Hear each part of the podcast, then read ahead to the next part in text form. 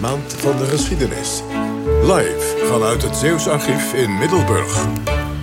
Ja, jarenlang lag hij in een donker depot, maar sinds dinsdag is hij 200 dagen lang te zien in Natuurhistorisch Museum Naturalis in Leiden.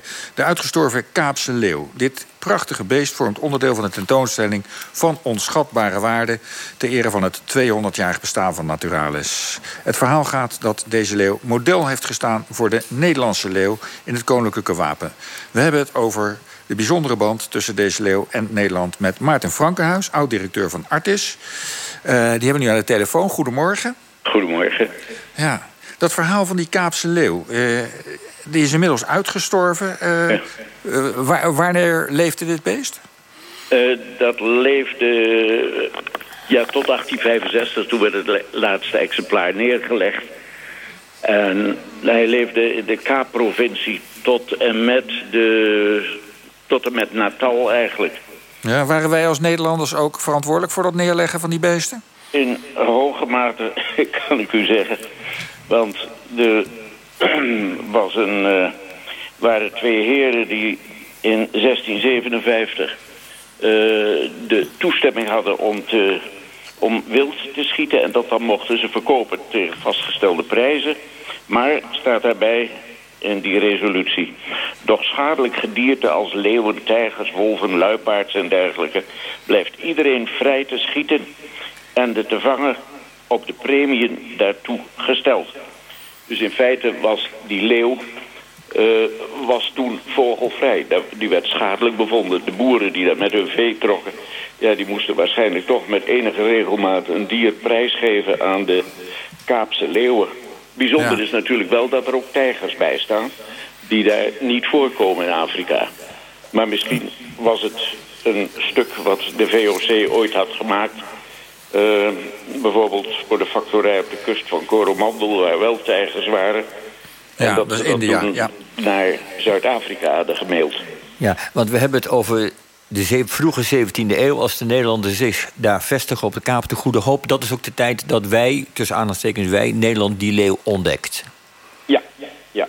ja en Dan, dan, dan brengen wij die ook hierheen? Wij brengen die leeuw hierheen en wij vermelden doorgaans niet de herkomst van het dier. Uh, en datzelfde geldt voor berberleeuwen die uit Noord-Afrika zijn aangevoerd... of Indische leeuwen die uit het Midden-Oosten kwamen... Het is een ratje toe van, van leeuwen geweest die hier, uh, die hier verschenen is. Maar ja, er zijn dus twee soorten, ondersoorten echt uitgestorven. En dat is de Kaapse leeuw en de Berberleeuw... die vroeger van Tunesië tot in Egypte voorkwam.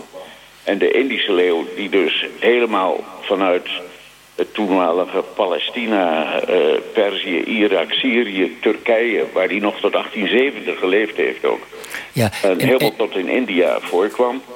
Uh, ja, die is overal uitgestorven in dat hele verspreidingsgebied. Alleen in het Gir Forest in West-India... daar leefden er ooit nog zo'n 200 en die club die begint heel langzaam te groeien maar is sterk ingeteeld. Ja, nu is het zo dat die, die, die Kaapse leeuw, om daar even ons toe eh, te, te beperken in zekere zin, uh, die werd door Nederlanders meegenomen op het schip naar Europa en naar Nederland. Met, met welk doel?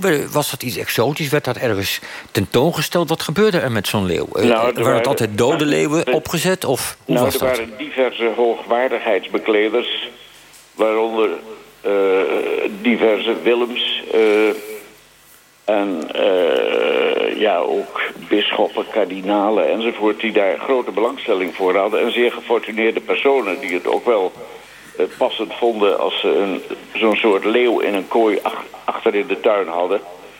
Uh, en ja, op die manier is er nogal wat, wat naar Nederland gekomen. Heel veel van die dieren die aangevoerd werden door de VOC en ook de West-Indische Compagnie die werden verzameld, die kwamen vaak terecht in de, in de Witte Olifant. Dat was een soort menagerie aan de Botermarkt, wat nu Rembrandtplein is.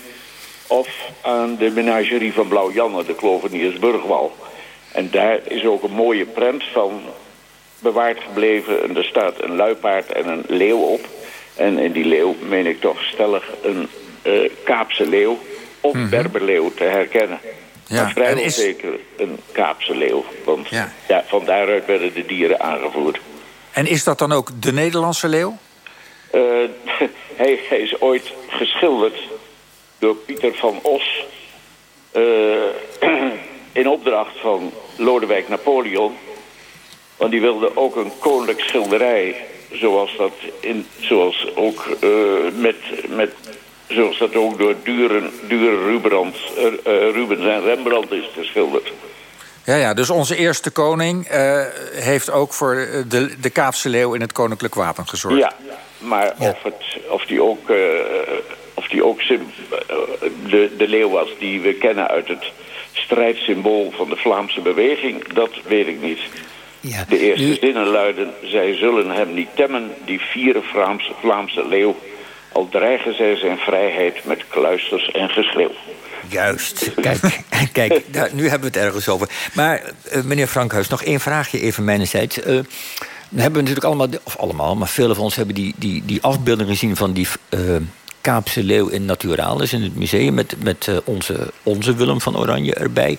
Ja. Dat beestje ziet er toch niet uit? Eh, veel te lange werperig. Klopt dat wel? Nee, daar, daar klopt vaak niks meer van, omdat die dieren werden vroeger alle belabberd opgezet. En ja, de tand destijds heeft natuurlijk ook het nodige gedaan. Hè. Daar is dat dier in, in, in, in Naturalis, dat is, eh, volgens mij is dat het exemplaar wat ooit in het Zoologisch Museum van Amsterdam heeft gestaan. Onderdeel van Artes. Ja. Ooit. En eh, ja, daar is eindeloos mee gesjouwd en dat is mishandeld en dat verbleekt. Dat heeft in de zon gestaan. Daar hebben misschien wel allerlei insecten in huis gehouden. In ieder geval, het beest ziet er natuurlijk niet meer uit. Maar ja, hij gaat Dus- door voor de Kaapse leeuw. Dus het was zo en zodanig staat dat Artis, de voorloper van Artis, toen zei: Wij hoeven het ding niet meer en nu maakt Naturalis eh, zie je meer als nee, een topschrift. nee zo, zo is dat eigenlijk niet. Het is had ooit eh, enorme musea erbij, zowel volkenkundige als, als eh, geologische, als zoologische musea. En het zoologisch musea, museum is op een gegeven moment onderdeel geworden van het zoologisch instituut van de Universiteit van Amsterdam. En toen is op een gegeven ogenblik de collectie ook vertrokken eh, vanuit Artis naar de Mauritskade. En toen dat zoologisch instituut werd ingekrompen en verhuisde... toen is de hele zoologische collectie, en dat geldt ook voor de paleontologische collectie van Artis... is verhuisd naar Naturalis. Goed. Meneer Frankenhuis, heel hartelijk dank voor deze toelichting.